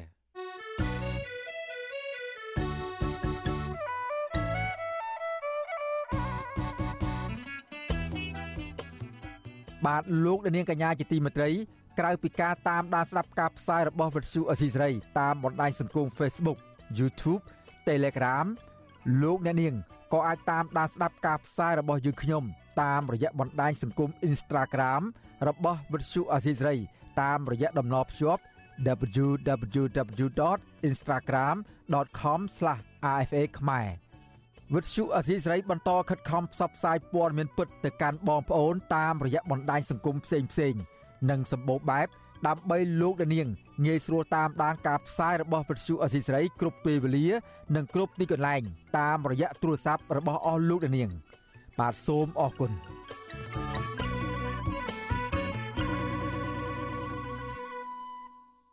បាទលោកនាងកញ្ញាជាទីមេត្រីរដ្ឋសភា បានអនុម័តគាំទ្រទាំងស្រុងលើសេចក្តីព្រាងច្បាប់ស្តីពីសុវត្ថិភាពម្ហូបអាហារ ដែលមានសារៈសំខាន់សម្រាប់ការពារសុខុមាលភាព និងអាយុជីវិតប្រជាពលរដ្ឋនៅព្រឹកថ្ងៃទី11ខែឧសភាគណៈរដ្ឋមន្ត្រីបានអនុម័តសេចក្តីព្រាងច្បាប់នេះកាលពីថ្ងៃទី1ខែមេសាឆ្នាំ2022សេចក្តីប្រកាសព័ត៌មានរបស់រដ្ឋសភាឲ្យដឹងថាសេចក្តីព្រាងច្បាប់ស្តីពីសវត្ថិភាពម្ហូបអាហារដែលមានចំនួន11ចំពុកនិង43មេត្រា មានអត្ថប្រយោជន៍និងមានយន្តការជាច្រើនរួមមានក្រសួងស្ថាប័នជាតិត្រូវទទួលខុសត្រូវ គ្រប់គ្រងប្រតិបត្តិការអាជីវកម្មម្ហូបអាហារនៅគ្រប់ដំណាក់កាលនៃខ្សែសង្វាក់ផលិតកម្មចាប់ពីកសិដ្ឋានផលិតរហូតដល់តុអាហារនិងធានាថាផលិតផលម្ហូបអាហារទាំងអស់ដែលចរាចរនៅកម្ពុជា មានគុណភាពសុវត្ថិភាព និងអនាម័យល្អសម្រាប់ប្រជាពលរដ្ឋគ្រប់គ្រប់រូបសេចក្តីព្រាងច្បាប់នេះក៏បានកំណត់គោលការណ៍ជាមូលដ្ឋាន ដើម្បីជំរុញឲ្យផលិតផលម្ហូបអាហារកែច្នៃវេចខ្ចប់និងចែកចាយផ្អែកលើតាមស្តង់ដារនិងបទបញ្ញត្តិបច្ចេកទេសព្រមទាំងជំរុញការអនុវត្តពាណិជ្ជកម្មស្មើភាពមានប្រសិទ្ធភាពដើម្បីការពារផលប្រយោជន៍អ្នកប្រើប្រាស់បន្ថែមពីលើនេះទៀតសេចក្តីព្រាងច្បាប់នេះនឹងបង្កលក្ខណៈឲ្យកម្ពុជារៀបចំប្រព័ន្ធសុវត្ថិភាពម្ហូបអាហារដែលមានលក្ខណៈទំនើប តាមរយៈវិធីសាស្ត្រទប់ស្កាត់ជាមុននិងការត្រួតពិនិត្យខ្សែសង្វាក់ផលិតកម្មដើម្បីជំរុញឲ្យផលិតផលកម្ពុជាឲ្យមានការទទួលស្គាល់ក្នុងទីផ្សារពិភពលោកមន្ត្រីជំនាញការពារអ្នកប្រើប្រាស់និងបង្ក្រាបផលិតផលคล้ายៗនៃក្រសួងពាណិជ្ជកម្មរកឃើញថាផលិតផលទំនិញខូចគុណភាពហួសកាលបរិច្ឆេទប្រើប្រាស់និងទំនិញដែលប្រើជាតិគីមីខ្ពស់ឬទំនិញដែលមិនអនុលោមទៅនឹងបទដ្ឋានបច្ចេកទេសរាប់តោនក្នុងមួយឆ្នាំមួយឆ្នាំរួមមានគ្រឿងសមុទ្រ ផលិតផលក្រៀមបន្លែផ្លែឈើថ្នាំពេទ្យជាដើមបាទលោកអ្នកនាងកញ្ញាជាទីមេត្រីពាក់ព័ន្ធនឹងកិច្ចការពីបរិស្ថានវិញម្ដងយុទ្ធនាការជីកង់នៅជុំវិញតំបន់ព្រៃឡង់និងព្រៃព្រះរការបស់ក្រមអ្នកស្រឡាញ់បរិស្ថាន បានធ្វើដំណើរដល់ស្រុកសង្គមថ្មីខេត្តព្រះវិហារហើយគិតត្រឹមរសៀលថ្ងៃទី11ខែឧសភា ក្រមយុវជន25នាក់ បានចាប់ផ្ដើមជិះកង់ដោយចេញដំណើរពីទីរួមខេត្តកំពង់ធំ កាលពីថ្ងៃទី10ខែឧសភាមកទួលនឹងពេលនេះបានប្រវែង113គីឡូម៉ែត្រក្រុមយុវជនចូលរួមជិះកង់គឺលោកអូនឡាទីនប្រាប់បទសុអសីសីថាក្នុងពេលដែលពួកលោកកំពុងជិះកង់តាមផ្លូវមកដល់ចំណុចឃុំរមនីស្រុករវៀងប្រទះឃើញសមត្ថកិច្ចនិងអាជ្ញាធរបានថតរូបនិងសួរនាំប៉ុន្តែសមត្ថកិច្ចទាំងនោះពុំបានរៀបរៀងយុទ្ធនាការនេះទេ លោកថាយុទ្ធនាការនេះមានការស្វាគមន៍អបអរសាទរពីសិស្សានុសិស្សព្រះសង្ឃនិងប្រជាពលរដ្ឋលក់ដូរតាមដងផ្លូវដោយពួកគាត់បានទះដៃគាំទ្រជាហោហែលោកបញ្ជាក់ថាក្រុមអ្នកជិះកង់បានកំណត់រយៈចម្ងាយប្រវែងចន្លោះពី60គីឡូម៉ែត្រដល់70គីឡូម៉ែត្រក្នុងមួយថ្ងៃទើបឈប់សម្រាកនៅពេលយប់ដោយពុំបានកំណត់ទីកន្លែងស្នាក់នៅនោះទេពលប្រសិនបើធ្វើដំណើរដល់កន្លែងណា មានវត្តអារាម ឬផ្ទះអ្នកស្រុកពួកលោក និងសុំផ្ទះអ្នកភូមិស្នាក់នៅជាបណ្ដោះអាសន្នយើងសប្បាយចិត្តនៅពេលដែលឃើញមានការចូលរួមគ្រប់គ្រងពីបងប្អូនប្រជាពលរដ្ឋពេលដែលយើងធ្វើការជិះកង់មកហូក៏លើកដៃគាត់បង្ហាញស្នាមញញឹមមកយើងសប្បាយចិត្តហើយយើងក៏មានការសប្បាយចិត្តដែរនៅពេលដែលយើងធ្វើដំណើរបានមកដោយរលូនដោយមិនទាន់មានការរិះរាំងពីអាជ្ញាធរគ្រាន់តែមានការសួរនាំតិចតួចហើយយើងសង្ឃឹមថាយើងអាចធ្វើដំណើរបានចប់ចុងចប់ដើមតាមអ្វីដែលយើងបានគិតទុកជាមុនបាទ ក្រុមអ្នកស្រឡាញ់បរិស្ថានទាំងនោះមកពីសមាគមអង្គការសង្គមស៊ីវិលប្រជាសហគមន៍មូលដ្ឋានចំនួន15ស្ថាប័នបានចាប់ផ្ដើមជិះកង់រយៈពេល10ថ្ងៃគិតចាប់ពីថ្ងៃទី10រហូតដល់ថ្ងៃទី20ខែឧសភា ក្រោមប្រធានបទលើកកម្ពស់កិច្ចការពីបរិស្ថាន ដើម្បីចីរភាពធនធានធម្មជាតិនិងសុខុមាលភាពមនុស្សជាតិក្រុមអ្នកជិះកង់25នាក់ក្នុងនោះមានស្ត្រី7នាក់បានពាក់ឯកសន្តានអាវយឺតពណ៌សភ្ជាប់ពាក្យស្លោកថា លើកកម្ពស់កិច្ចការពីបរិស្ថាន ដើម្បីចីរភាពធនធានធម្មជាតិអមដោយទង់ជាតិខ្មែរដោតជាប់នឹងកង់ផងយុទ្ធនាការនេះផ្ដោតសំខាន់ទាមទារឲ្យរដ្ឋាភិបាលបើកទូលាយលើសិទ្ធិសេរីភាពរបស់ប្រជាសហគមន៍និងក្រុមអង្គការសង្គមស៊ីវិលក្នុងការចូលរួមល្បាតព្រៃឈើឡើងវិញព្រឹត្តិការណ៍នេះក្រមយុវជនបានបែងចែកយុទ្ធនាការជា3សកម្មភាព ដើម្បីអបអរទិវាបរិស្ថានពិភពលោក នៅឆ្នាំ2022នេះគឺទី1 នឹងជិះកង់ចម្ងាយ600គីឡូម៉ែត្ររយៈពេល10ថ្ងៃទី2យុទ្ធនាការតាមបណ្ដាញសង្គមដើម្បីផ្សព្វផ្សាយបញ្ហាព្រៃឈើនិងការប្រែប្រួលអាកាសធាតុនិងសកម្មភាពទី3រៀបចំសិក្ខាសាលាធំមួយនៅរាជធានីភ្នំពេញដើម្បីលើកកម្ពស់កិច្ចការពារធនធានធម្មជាតិ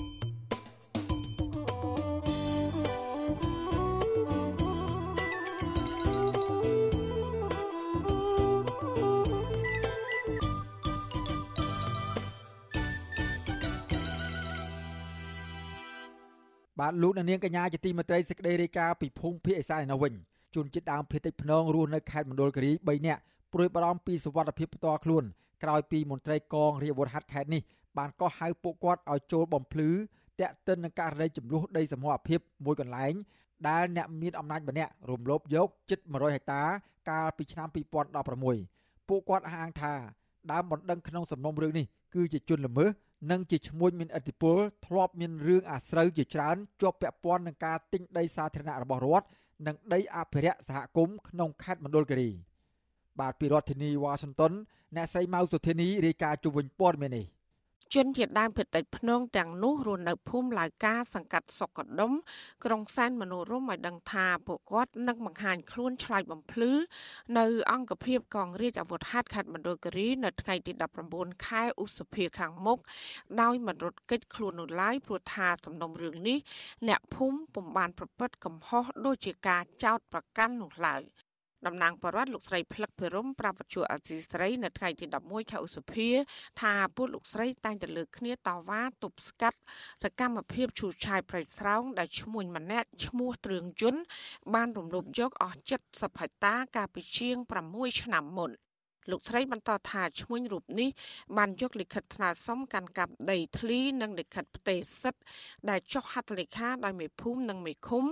មកសំអាងដើម្បីបំពេញដីសមូហភាពរបស់ពួកគាត់ ដែលស្ថិតនៅចំណុចអូចុងក្រាអស់ស្ទើរតែទាំងស្រុង។ លើពីនេះឈ្មោះរូបនេះក៏បានយកគ្រឿងចាក់ឈូសឆាយផ្ដួលដើមឈើតូចធំអស់រាប់ពាន់ដើមក្នុងបំណងកាន់កាប់ដីសមូហភាពនេះដែលអ្នកភូមិរាប់រយគ្រួសារបានអាស្រ័យផលជាយូរឆ្នាំមកហើយ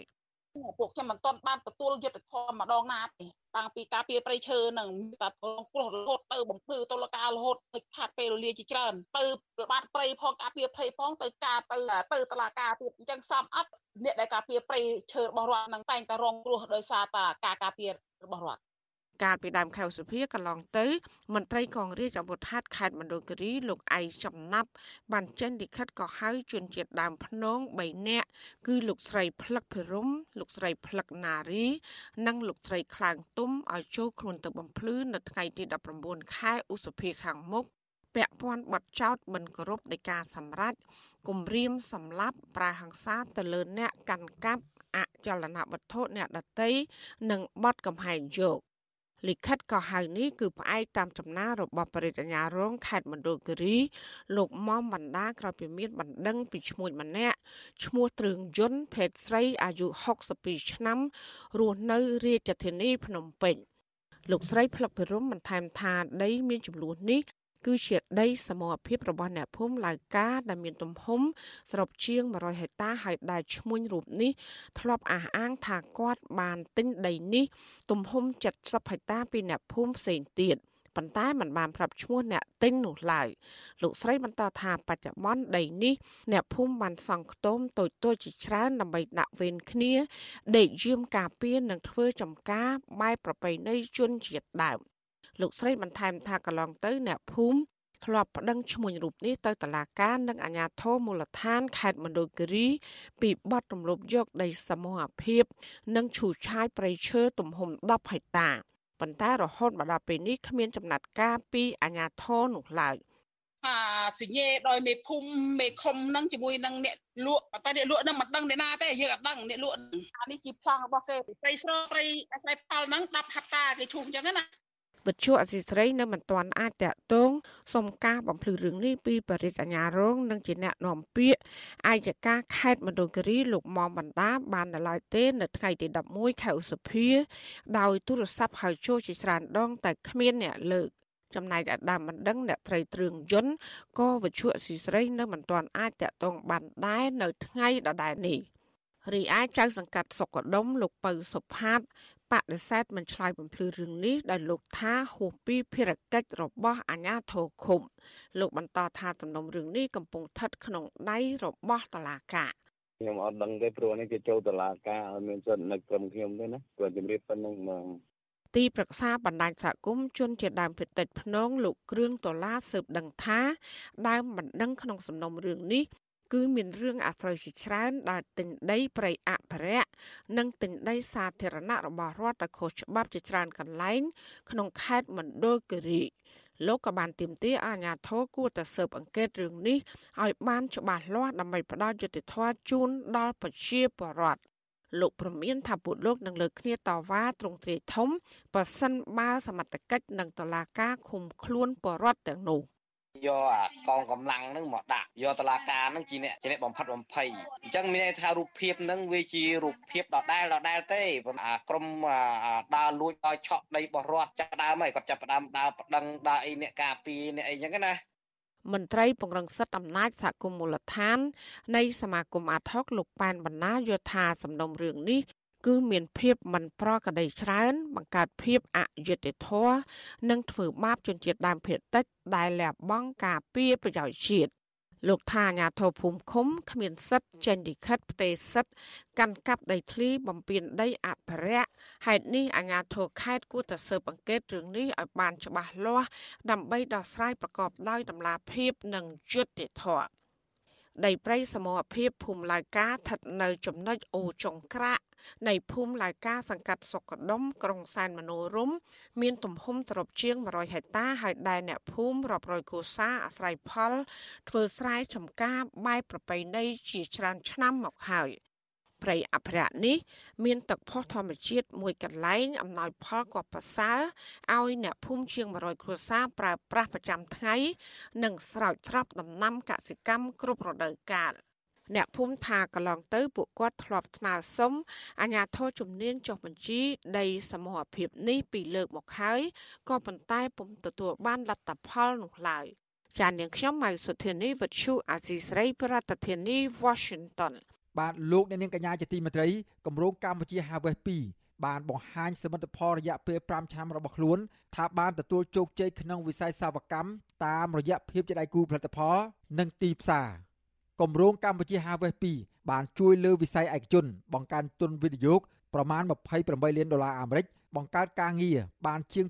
2500កន្លែងក្នុងរយៈពេល5ឆ្នាំកន្លងមកនេះគម្រោងនេះក៏បានជួយគាំទ្រដល់ការអភិវឌ្ឍលើគោលនយោបាយកសិកម្មចំនួន17និងជួយដល់ម្ចាស់អាជីវកម្មព្រមទាំងបង្កើនការលក់បានចំណូលបន្ថែមចំនួន75លានដុល្លារអាមេរិកផងដែររដ្ឋលេខាធិការក្រសួងកសិកម្មរុក្ខាប្រមាញ់និងនេសាទលោកបណ្ឌិតហ៊ានវ៉ាន់ហន បានអបអរសាទរចំពោះសមិទ្ធផលរបស់គម្រោងដែលបានប្រកាសឲ្យដឹងកាលពីពេលថ្មីៗនេះនៅក្នុងរាជធានីភ្នំពេញសេចក្តីប្រកាសព័ត៌មានរបស់អង្គការអន្តរជាតិ Feed the Future បានឲ្យដឹងថាគម្រោងកម្ពុជា Harvest 2បានជំរុញកំណើនវិស័យសវកម្មនៅកម្ពុជាដោយផ្ដោតលើខេត្តមួយចំនួនដូចជាខេត្តពោធិ៍សាត់បាត់ដំបងសៀមរាបនិងខេត្តកំពង់ធំព្រមទាំងខេត្តមួយចំនួនទៀតគម្រោងនេះបានជួយឧបត្ថម្ភថវិកា ដោយគំនិតព្រួយផ្ដើមសន្តិសុខស្បៀងសម្រាប់អនាគតរបស់រដ្ឋាភិបាលអាមេរិកតាមរយៈទីភ្នាក់ងារសហរដ្ឋអាមេរិកសម្រាប់ការអភិវឌ្ឍអន្តរជាតិហៅកាត់ថា USAID ដែលបានចាប់ផ្ដើមអនុវត្តពីឆ្នាំ2017ដល់ឆ្នាំ2022នេះបាទលោកអ្នកនាងកញ្ញាជាទីមេត្រីពាក់ព័ន្ធនឹងសេចក្តីរាយការណ៍ជុំវិញរឿងបោះឆ្នោតជ្រើសរើសក្រុមប្រឹក្សាឃុំសង្កាត់នៅពេលខាងមុខនេះវិញម្ដងការបោះឆ្នោតគឺជាសិទ្ធិនយោបាយ គឺជាគ្រឹះមូលដ្ឋាននៃលទ្ធិប្រជាធិបតេយ្យរបស់ប្រជាពលរដ្ឋគ្រប់គ្រប់រូបដែលមានចែងនៅក្នុងរដ្ឋធម្មនុញ្ញកម្ពុជា ការអនុវត្តសិទ្ធិបោះឆ្នោតបានជះឥទ្ធិពលយ៉ាងខ្លាំងដល់ការពង្រឹងគុណភាពនៃការដឹកនាំគ្រប់លំដាប់ថ្នាក់តាំងពីមូលដ្ឋានរហូតដល់ថ្នាក់ជាតិការបោះឆ្នោតជ្រើសរើសក្រុមប្រឹក្សាឃុំសង្កាត់នឹងប្រព្រឹត្តទៅនៅថ្ងៃអាទិត្យទី5ខែមិថុនាខាងមុខតាមរយៈការបោះឆ្នោតពលរដ្ឋមានសិទ្ធិសម្ងាត់លើសញ្ញាឆ្នោត ដើម្បីជ្រើសរើសតំណាងដែលខ្លួនពេញចិត្តដោយគ្មានការបំផិតបំភ័យនិងគំរាមកំហែងនោះឡើយបាទពីរដ្ឋធានីវ៉ាស៊ីនតោនអ្នកស្រីម៉ៅសុធានីរាយការណ៍ពីស្ដារជុំវិញព័ត៌មាននេះក្នុងសង្គមប្រកាន់លទ្ធិប្រជាធិបតេយ្យប្រជាប្រដ្ឋជាម្ចាស់ប្រទេស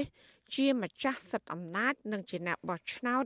ជ្រើសរើសអ្នកដឹកនាំតាមឆន្ទៈនិងសតិសម្បញ្ញៈរបស់ខ្លួន ចំពោះបេក្ខជនឬក៏គណៈបកនយោបាយណាមួយដែលគេពេញចិត្ត ការបោះឆ្នោតជ្រើសរើសតំណាងថ្នាក់ជាតិនិងជ្រើសរើសក្រុមប្រឹក្សាឃុំសង្កាត់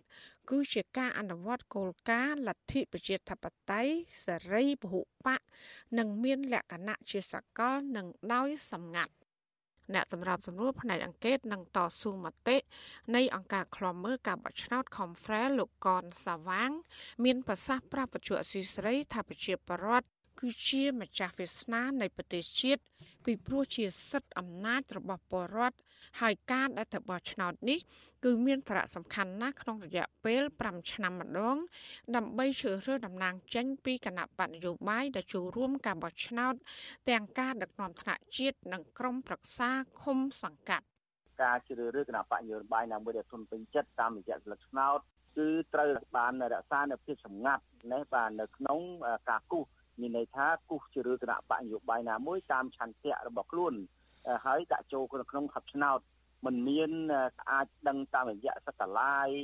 ឬក៏តាមអ្នកណាមួយដែលដែលអាចដឹងថាយើងបោះឆ្នោតនៅណាទេអញ្ចឹងប្រជាពលរដ្ឋណាទោះបីថានៅខាងក្រៅមានការគម្រាមកំហែងឬក៏មានការទិញទឹកចិត្តបែបណាក៏ដោយអញ្ចឹងប្រជាពលរដ្ឋសូមមេត្តាកុំមានការព្រួយបារម្ភទៅលើផ្នែកទាំងអស់នេះ តកតងនឹងដំណើរការបោះឆ្នោតហើយសង្ឃឹមថាជាពលរដ្ឋលោកអាចយល់ហើយមិនមានការពិតភ័យសូមឲ្យបញ្ចេញនៅឆន្ទៈរបស់ខ្លួនតកតងនឹងការបោះឆ្នោតនេះដែរព្រះមហាក្សត្រខ្មែរព្រះករុណាព្រះបាទនរោត្តមសីហមុនីកាលពីពេលថ្មីថ្មីនេះព្រះអង្គអំពាវនាវដល់ប្រជាពលរដ្ឋឲ្យទៅបោះឆ្នោតគ្រប់រូបគ្នាដោយគ្មានការព្រួយបារម្ភពីការគៀបសង្កត់ការគំរាមកំហែងឬក៏សម្លុតពីជនណាម្នាក់នោះឡើយ ព្រះអង្គមានបន្ទូលក្នុងព្រះរាជសារថាបរដ្ឋមានសិទ្ធិត្រីភាពបោះឆ្នោតឲ្យបេក្ខជនឬគណៈបកនយោបាយណាមួយដែលខ្លួនពេញចិត្តពីព្រោះជាការបោះឆ្នោតជាសកលដោយសម្ងាត់តាមលទ្ធិប្រជាធិបតេយ្យសេរីភូប កកម្មការិនីរោងចក្រកាត់ដេរ Cantrell Apparel Cambodia អ្នកស្រីសាន់សុផាប្រាប់ថាអ្នកស្រីនឹងទៅបោះឆ្នោតដើម្បីជ្រើសរើសចៅសង្កាត់នៅមេឃុំដែលគិតគូរពីស្ថានភាពរស់នៅរបស់ពលរដ្ឋអ្នកត្រីបន្តថាជាច្រើនឆ្នាំមកនេះកម្មករនៅតែជួបបញ្ហាជាច្រើនដូចជាប្រាក់ខែតិចតួចធ្វើការច្រើនម៉ោងនិងទំនិញសពសារពើឡើងថ្លៃបច្ចុប្បន្នជាដើម អឺខ្ញុំចង់ទៅបោះឆ្នោតហើយនៃការបោះឆ្នោតមានការសម្ងាត់ខ្ញុំអត់ព្រួយបារម្ភនៃការភ័យខ្លាចនៃជនណាដឹងថាខ្ញុំបោះឲ្យជនណាឡើយអឺបានពីខ្ញុំចង់ទៅបោះឆ្នោតដោយសារស្លឹកឆ្នោតខ្ញុំមានតម្លៃហើយខ្ញុំនឹងបោះឲ្យអ្នកណាដែលគាត់មើលឃើញប្រជាពលរដ្ឋសំខាន់ដើម្បីរើសតំណាងដែលខ្ញុំពេញចិត្តហើយបោះឆ្នោតហ្នឹងមានការសម្ងាត់ ចំណែកបុគ្គលិកក្រុមហ៊ុនកាស៊ីណូ Naga World កញ្ញានុបទឹកបូរាវីដែលបាននាំគ្នាបន្តធ្វើកុតកម្មអស់ប្រមាណ5ខែមកនេះដើម្បីទាមទាររកដំណោះស្រាយវិវាទការងារជាមួយនឹងភាគីក្រុមហ៊ុនក៏បានឲ្យដឹងដែរថាកញ្ញាក៏នឹងទៅបោះឆ្នោតដែរដើម្បីជ្រើសរើសតំណាងបរដ្ឋពិតប្រាកដទោះបីជាបារម្ភថាការបោះឆ្នោតនេះមិនមានភាពយុត្តិធម៌ក៏ដោយ ខ្ញុំចង់ទៅបោះឆ្នោតហើយខ្ញុំក៏ជ្រើសរើសអ្នកណាដែលជាតំណាងរបស់ប្រជាពលរដ្ឋនឹងអាចជួយប្រជាពលរដ្ឋនៅពេលដែលប្រជាពលរដ្ឋជួបទុក្ខលំបាកក្តីបារម្ភពួកខ្ញុំក៏នៅតែមានការបារម្ភដែរពីព្រោះពេលខ្លះក៏យើងអាចទុកចិត្តបានថាតើការបោះឆ្នោតនឹងមានយុត្តិធម៌អត់បន្ថែមពីនេះអ្នកបោះឆ្នោតមានសិទ្ធិទទួលបានព័ត៌មានអំពីដំណើរការបោះឆ្នោតដោយតម្លាភាពចូលរួមប្រជុំនិងបញ្ចេញមតិយោបល់ដោយសេរីដើម្បីពិភាក្សាអំពីបេក្ខជន ឬក៏បេក្ខនារីនិងគណៈបកនយោបាយដែលឈរឈ្មោះប្រកួតប្រជែងការបោះឆ្នោតតាមឆន្ទៈរបស់ខ្លួន ដោយគ្មានការគំរាមកំហែងគ្មានការបង្ខិតបង្ខំគ្មានការភ័យខ្លាចឬក៏គ្មានអំពើហិង្សានិងគ្មានការទិញសន្លឹកឆ្នោតនោះឡើយមន្ត្រីខ្លំមើលការបោះឆ្នោតនៃអង្គការ Conference លោកកនសាវាងគូបញ្ជាក់ថាឆ្នោតមួយសន្លឹករបស់ម្ចាស់ឆ្នោត គឺមានតរប្រយោជន៍ដល់ជាតិនិងដល់ខ្លួនឯងផង លោកបន្តថាតាមរយៈការបោះឆ្នោតជ្រើសរើសក្រុមប្រឹក្សាឃុំសង្កាត់នេះពលរដ្ឋមានឱកាសជ្រើសរើសឬផ្លាស់ប្តូរថ្នាក់ដឹកនាំថ្មី ដោយសន្តិវិធីដើម្បីឲ្យទទួលខុសត្រូវនិងគិតគូរ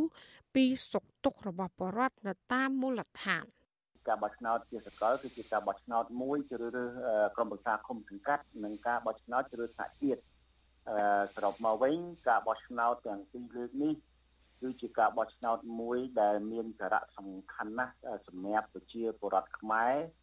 ឬក៏សម្រាប់ប្រទេសដែលមានគោលការណ៍នៅក្នុងលទ្ធិប្រជាធិបតេយ្យពីព្រោះថាការបោះឆ្នោតវាធ្វើឲ្យប្រជាពលរដ្ឋដែលជាអ្នកបោះឆ្នោតនោះមានសិទ្ធិនៅក្នុងការចូលរួមជ្រើសរើសតំណាងរបស់ខ្លួនហើយក៏មានសិទ្ធិនៅក្នុងការ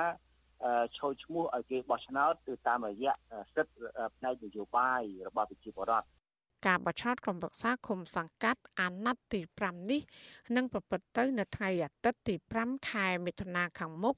ដែលមានគណៈបកនយោបាយចូលរួមចំនួន17គណៈបក ក្នុងចំណោមគណៈបកទាំងអស់នោះមានគណៈបកធំធំចំនួន4ដែលមានបេក្ខជនឈរឈ្មោះបោះឆ្នោតក្រុមប្រឹក្សាគុំសង្កាត់គ្រប់ចំនួន25ខេត្តក្រុង រួមមានគណៈបកប្រជាជនកម្ពុជាគណៈបកភ្លើងទៀនគណៈបកហ៊ុនស៊ិនពេជ្រនិងគណៈបកផ្នែករួបរวมជាតិគណៈបកកណ្ដាលអំណាចបានដាក់បេក្ខជនឈរឈ្មោះ បាន100%ទៅតាមឃុំសង្កាត់ទូទាំងប្រទេស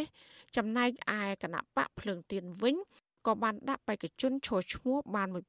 1600ឃុំសង្កាត់ចាដើម្បីបោះឆ្នោតបានបរដ្ឋត្រូវតែមានឈ្មោះនៅក្នុងបញ្ជីបោះឆ្នោតផ្លូវការឆ្នាំ2021និងមានអត្តសញ្ញាណប័ណ្ណសញ្ជាតិខ្មែរដែលមានសុពលភាពប្រសិនបើមិនទាន់មានអត្តសញ្ញាណប័ណ្ណសញ្ជាតិខ្មែរឬក៏អត្តសញ្ញាណប័ណ្ណអសុពលភាព បាត់ឬក៏ត្រូវកែតម្រូវសម័យខ្លួនអាចទៅស្នើសុំឯកសារបញ្ជាក់អត្តសញ្ញាណនៅគណៈកម្មការឃុំសង្កាត់រៀបចំការបោះឆ្នោតឬក៏នៅអាជ្ញាធរឃុំសង្កាត់ដែលខ្លួនត្រូវទៅបោះឆ្នោតការស្នើសុំនេះមានរយៈពេល30ថ្ងៃគឺចាប់ពីថ្ងៃទី5ខែឧសភារហូតដល់ថ្ងៃទី3ខែមិថុនាខាងមុខចាននាងខ្ញុំម៉ៃសុធានីវិទ្យុអាស៊ីសេរីប្រធានាធិបតី Washington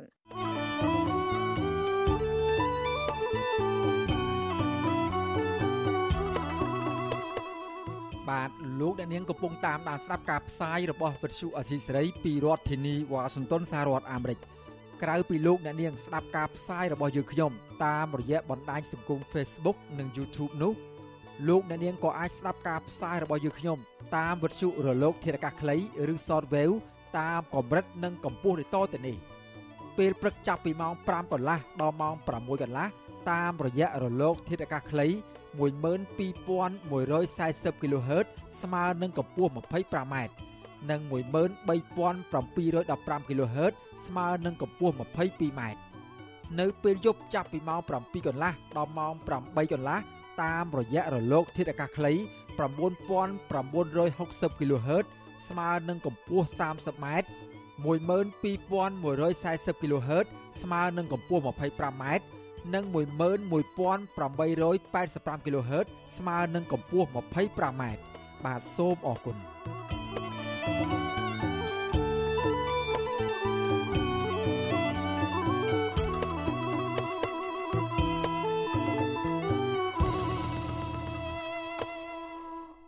បាទលោកអ្នកនាងកញ្ញាជាទីមេត្រី ការផ្សាយរបស់វិទ្យុអសីស្រីនៅព្រឹកនេះចប់តែប៉ុណ្ណេះ សូមគោរពជូនពរដល់អស់លោកនាង